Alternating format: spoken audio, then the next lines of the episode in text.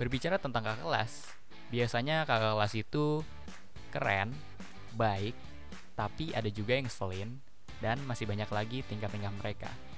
Tapi tau nggak, mereka itu punya banyak cerita loh, yang bisa di-share buat adik-adik kelasnya. Mungkin di antaranya ada yang lucu, menarik, dan ada pula yang memotivasi mungkin.